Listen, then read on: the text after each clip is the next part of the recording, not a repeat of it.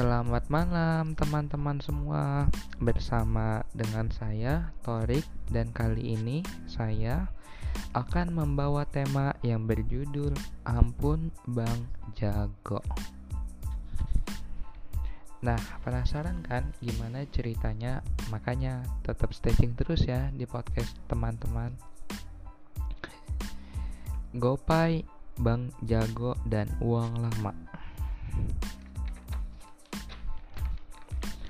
ada miliarder baru dengan kekayaan Rp 36 triliun yaitu pemilik PT Bank Jago Tbk. Bank Jago adalah salah satu bank yang memiliki nama saham yaitu Arto.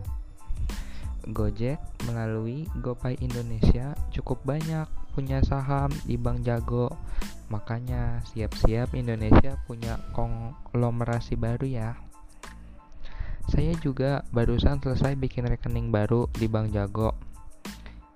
Ternyata simple, gampang, dan cepat loh. Si Gapat di Bank Jago. UI atau UX-nya juga asik, flow-nya juga seru. Itulah kisah baru di dunia perbankan Indonesia. Masih dengan dunia uang lama dan semua juga Bank Jago lebih crypto friendly nanti. Mana tahu kan tiba-tiba Bang Jago bisa bekerja sama dengan toko kripto atau Luno atau Pinto, bahkan Indodax, Indonesia Digital Asset Exchange.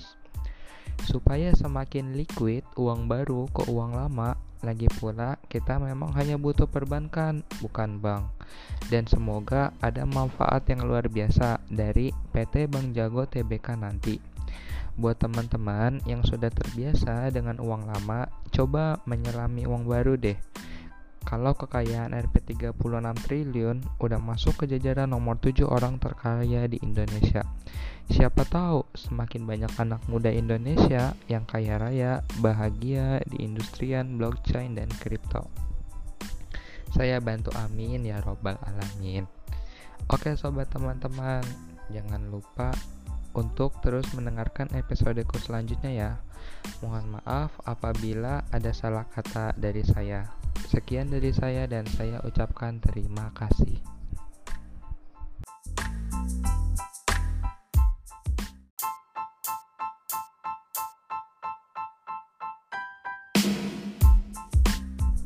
Selamat malam teman-teman semua Bersama dengan saya Torik dan kali ini saya akan membawa tema yang berjudul sering mengulang sholat. Nah, penasaran kan gimana ceritanya? Makanya tetap searching terus ya di podcast teman-teman. Oke, jadi sering mengulang sholat itu pintar atau bodoh? Saya banyak dosa, jadi sering lupa rokaat sholat. Kalau udah lupa begini, saya memutuskan untuk mengulang lagi takbiratul ikhramnya. Bahkan yang lebih parah lagi, saya suka lupa tadi rokaat pertama baca surat apa ya. Tapi sekarang alhamdulillah udah tahu rasanya dibodohi, nggak akan lagi kasih kesempatan ke mereka. Syaitan itu musuh yang nyata. Sebenarnya semua harus bermula dengan niat di hati saat bangun tidur. Hari ini mau lima waktu tidak terlewatkan.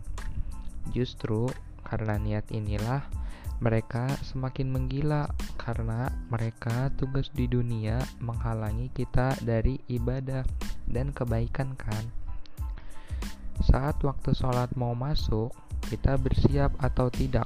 Kalau terlalu sibuk, maka mereka punya banyak kesempatan tuh. Makanya, pekerjaan itu bukan utama, hanya aktivitas menunggu waktu sholat.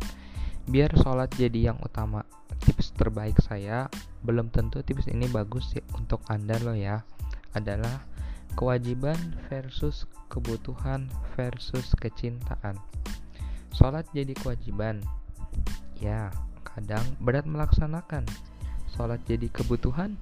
Ya kadang butuh kadang enggak sholat jadi kecintaan ini yang paling nikmat makanya ada kasih dan sayang habis ngasih terus nyayangin nyayangin Allah itu indah karena itu urusan hati yang tenang Oke sobat teman-teman, jangan lupa untuk terus mendengarkan episodeku selanjutnya ya. Mohon maaf apabila ada salah dari saya. Sekian dari saya, saya ucapkan terima kasih.